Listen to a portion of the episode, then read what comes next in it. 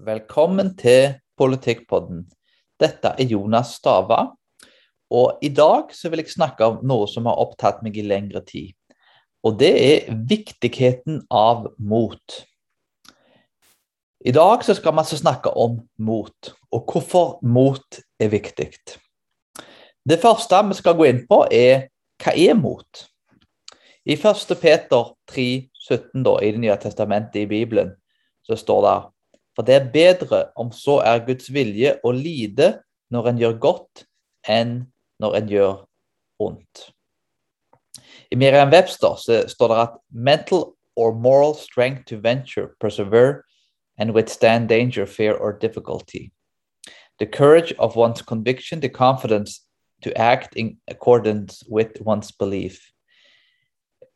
En annen definasjon er 'takes one's courage in both hands to nerve oneself to perform an action'.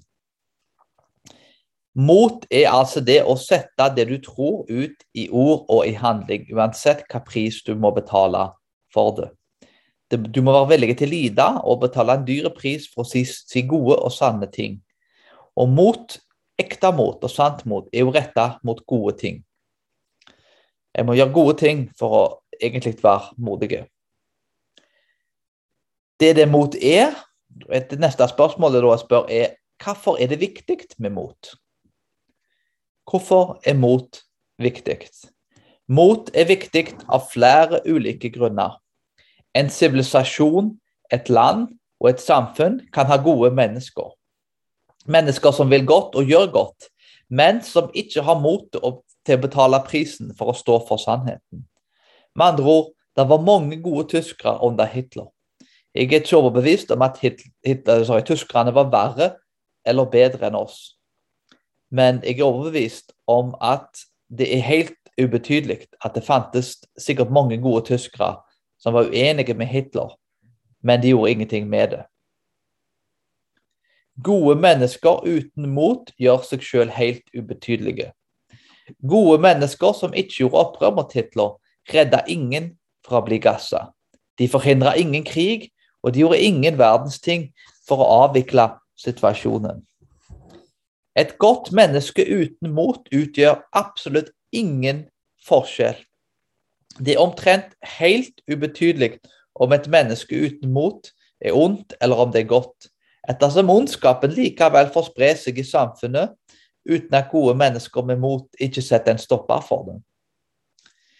Så med andre ord, en kan være god, en kan være kjekk, en kan være en hyggelig kar. Men om en ikke har mot, så er det faktisk omtrent totalt ubetydelig når ondskapen trer frem i samfunnet. Hvis en ikke setter det en tror, ut i handling, og hvis en ikke kritiserer diktatoren som trer frem, eller ondskapen som sprer seg rundt seg. Det kan være i et lite samfunn eller en liten sammenheng. Det kan være en vennekrets, det kan være hvor som helst. Folk som snur et blindt øye til ondskap, og så mangler det motet til å handle på den godheten som er i deres egne hjerter, gjør seg selv egentlig irrelevante. Det har egentlig ingen verdens ting å bety hva de tror, ettersom ondskapen allikevel får fritt spillerom. Så, men, men, har du en godhet i deg og vil gjøre gode ting, og har et moralsk kompass, og i tillegg til at du har mot, så er du villig til å tre fram og kalle ondskap for ondskap, kalle en spade for en spade, uansett hva pris du må betale for det personlig. Det som er tragisk med mot, er at det, er menneskets kanskje viktigste, men ubeklageligvis menneskets sjeldneste kvalitet.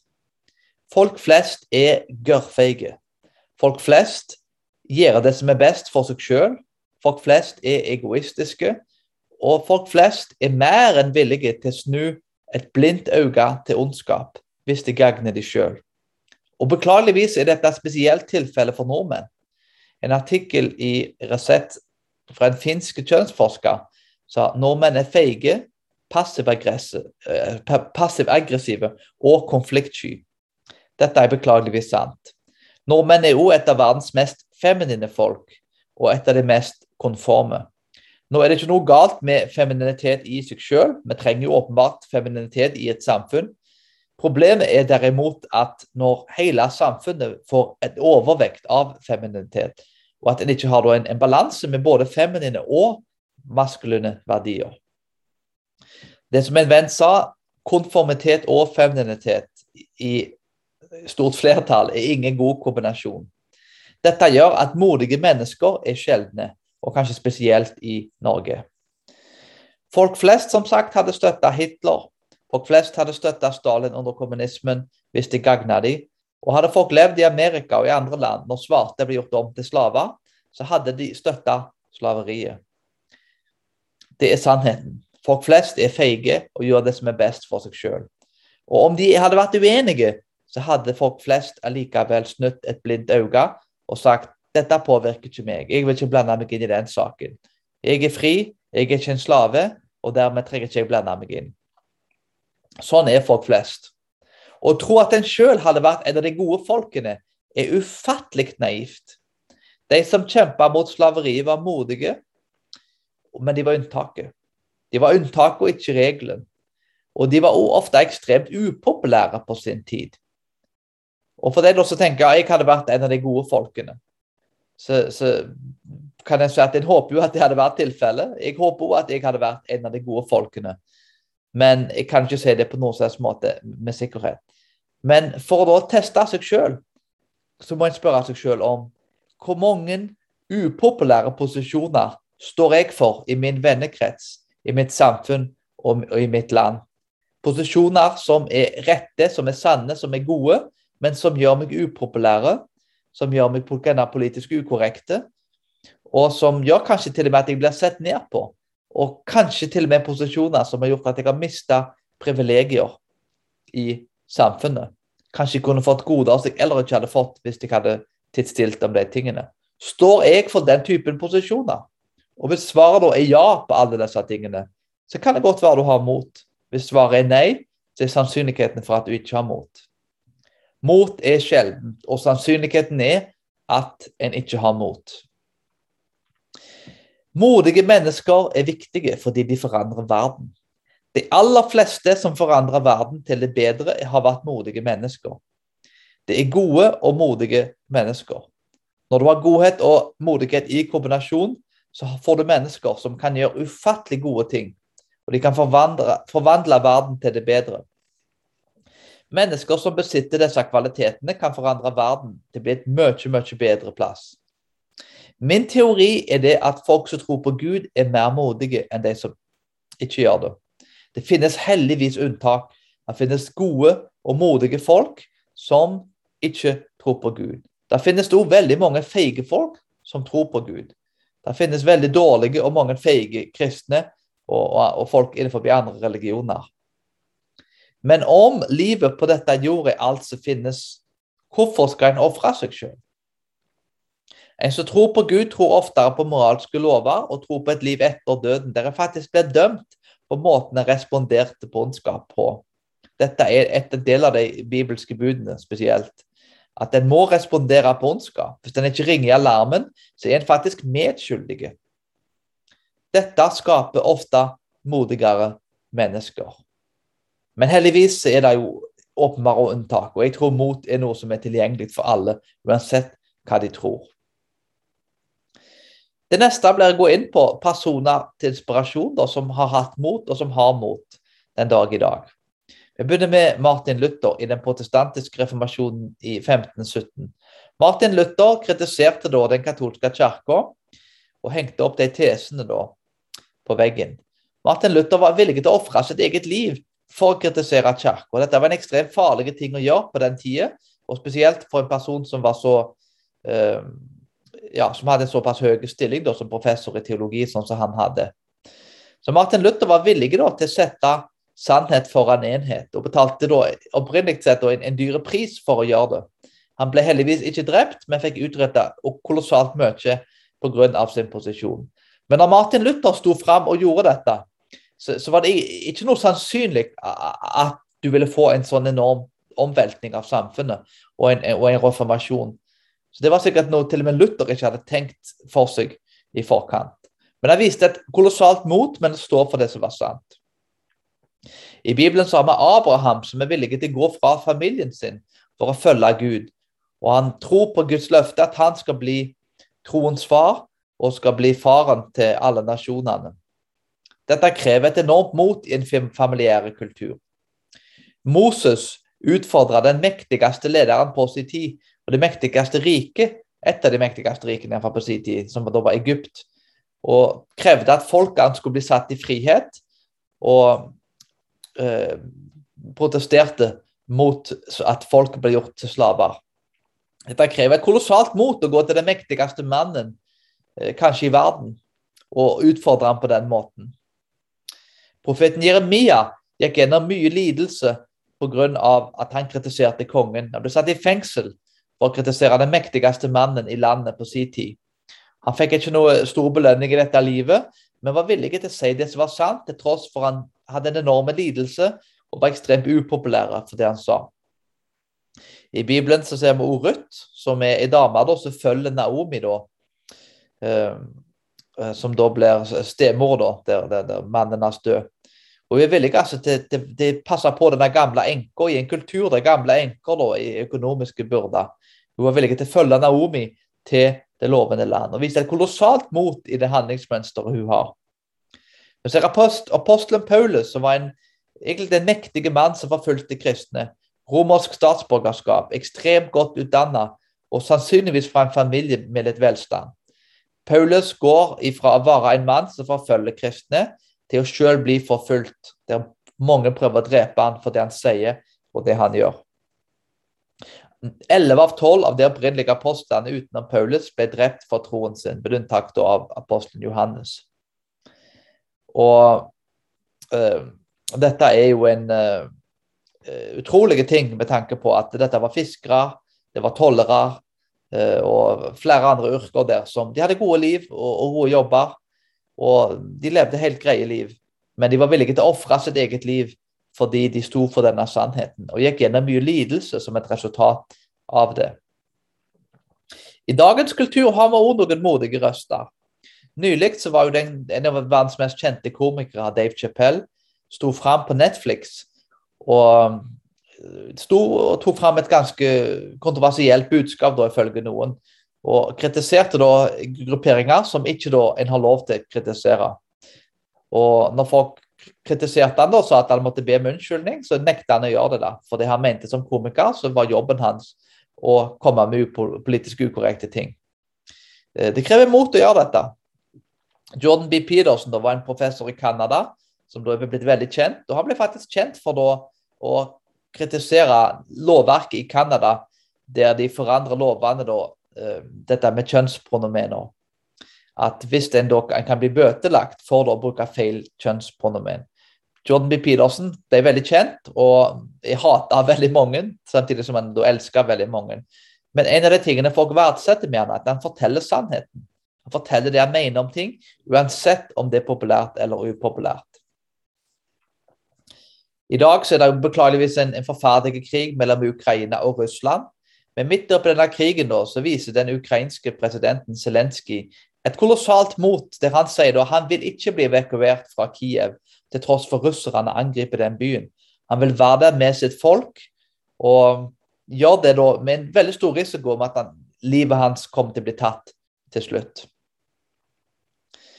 Dette er et enormt mot som han viser, der han er villig til å ofre sitt eget liv til tross for han kunne vært i sikkerhet. Martin Luther King jr. er jo en mann som jobba for svarte sine rettigheter i Amerika. Uh, I 1964-1965 så begynte de å få de rettighetene. Og dette var jo tid svarte var segregert fra hvite da, i samfunnet. Martin Luther King jr. var ofte ekstremt upopulære. Han var hatet av mange på sin tid. Uh, han ble knivstukket én gang, og til slutt så ble han skutt for å stå for dette radikale og rettferdige budskapet. Martin Luther King jr. utretta mye godt og var en, en mann som uh, i stor grad hadde et kolossalt mot for å gjøre gode ting. I dagens samfunn så har vi også heldigvis noen, en person da, som er norsk, som viser stort mot. Espen Ottersen da, er blitt en kjent norsk kulturpersonlighet, spesielt kanskje i kristne settinger. Han står imot en kjønnsideologi i det offentlige som er destruktiv og skadelig for barn, Ottersen er villig til, å betale en dyre pris personlig for å bli kritisert og mislikt av mange for å stå for dette i det offentlige. Det krever veldig mye mot.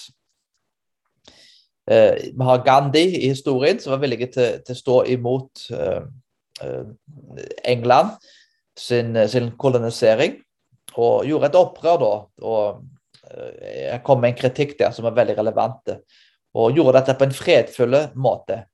Han oppnådde store ting og viste et enormt mot da, til tross for eh, det var vold som ble praktisert mot han og de som fulgte han.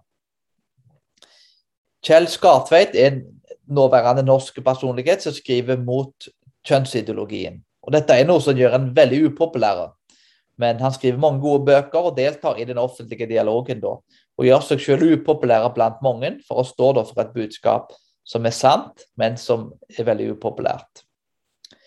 Didrik Bonhoffer er en annen historisk person som ikke lever nå, men som da starta ei opprørsgruppe mot Hitler, altså The Confessional Church. Han var en lutheransk eh, pastor, eller prest, etter hvordan du vil definere det i Norge, som da prøvde faktisk å, å, å plante ei bombe da, vel, under Hitler sitt bord. Han oppnådde ikke det målet, men, men han døde faktisk i fengsel da, rett før krigen ble avslutta. Så Han var imot Hitler og kritiserte Hitler i det offentlige. Betalte en veldig dyre pris på det personlig, til tross for han kunne gått eh, til Amerika og, og, og, vært der og, og vært i fred og vært sikker. Det var en mann som ofra seg sjøl og hadde kolossalt mot. Galilei Galilei er en annen historisk person som kritiserte da den naturvitenskapelige forståelsen om at eh, alt går rundt jorda, at sola går rundt jorda. Galileo mente jo da at det var motsatt, at det var jorda som gikk rundt sola.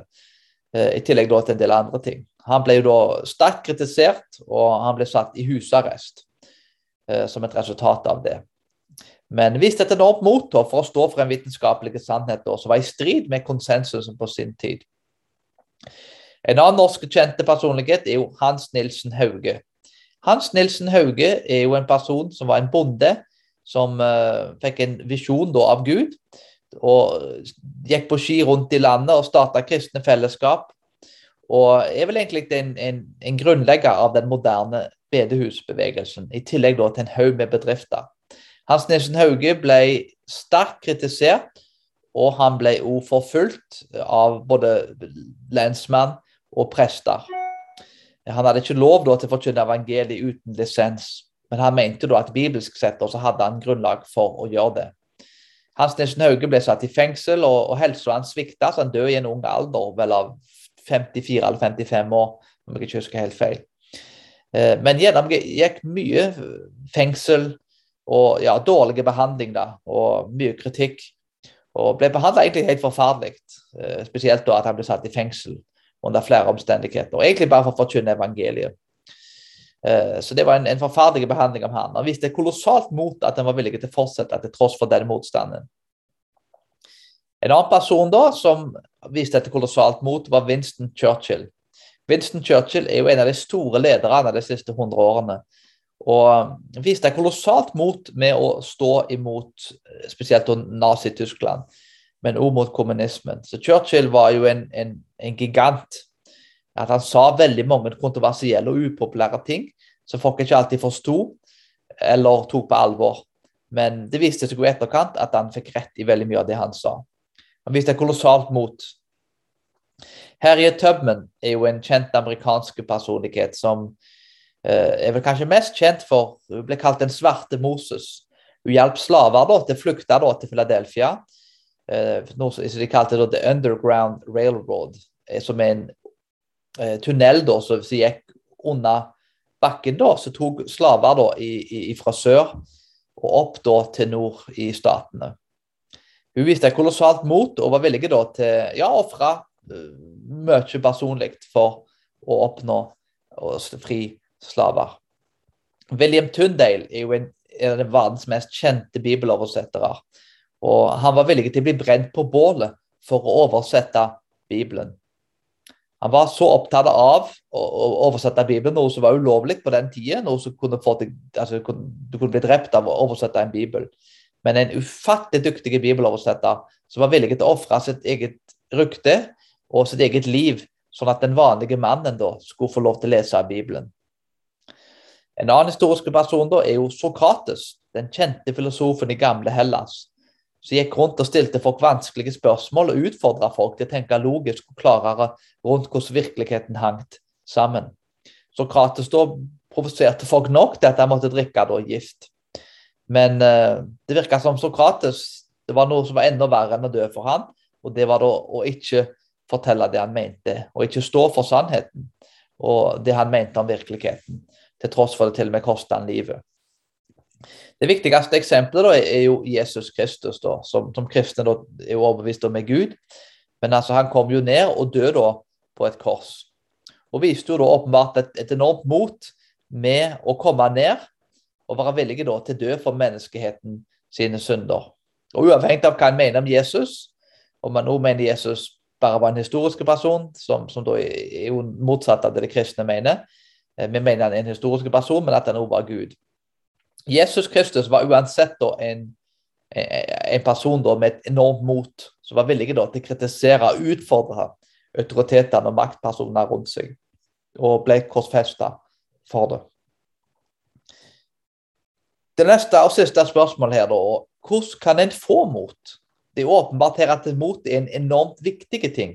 Og det neste spørsmålet blir da hvordan kan en få mot? Noen er født modige, men jeg tror faktisk også at en stor grad kan bli modige. Vi kan be om mot, og troen på Gud forsterker motet.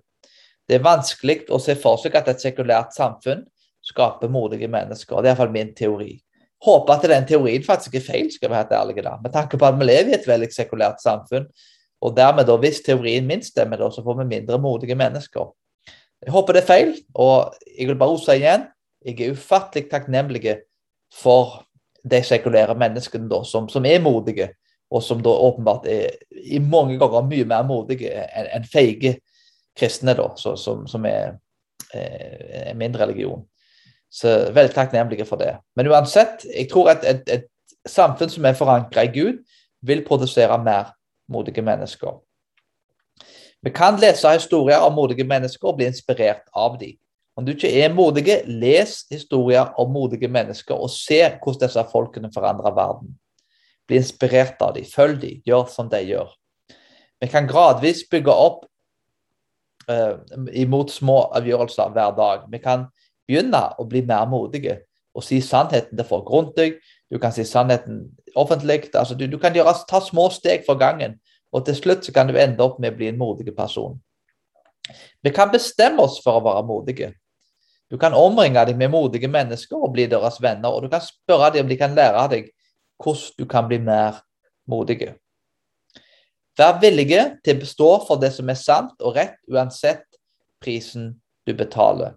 Det er ikke min overbevisning at vi, trenger å kjempe alle kamper og stå på alle bakketopper og dø på alle bakketopper. Men når det kommer til de viktige kampene, eh, en kamp i dag som er veldig sentral, i ytringsfriheten. Den eneste årsaken til at ytringsfriheten vil overleve fremover, er at folk kjemper for den. Og det krever folk med mot som er villige til å si upopulære, men allikevel sanne ting, uavhengig av hva pris de betaler. Er det nok folk som gjør det, så beholder vi ytringsfriheten. Hvis folk ikke er villige til å gjøre det, så kan det være vi mister den en gang i framtida. Mot er en ufattelig viktig ting. Vi må virkelig bare håpe og be om at samfunnet vårt produserer mer folk med mot. Hvis det er én kvalitet hos mennesker som du kan påpeke som kanskje er en av de aller viktigste, så må mot være på toppen av den lista. Et godt menneske med et enormt mot kan forandre verden. Og om ikke minst, om vi har barn, vi kan oppdra barn til å få mot. Og fortelle barn hvor viktig mot er.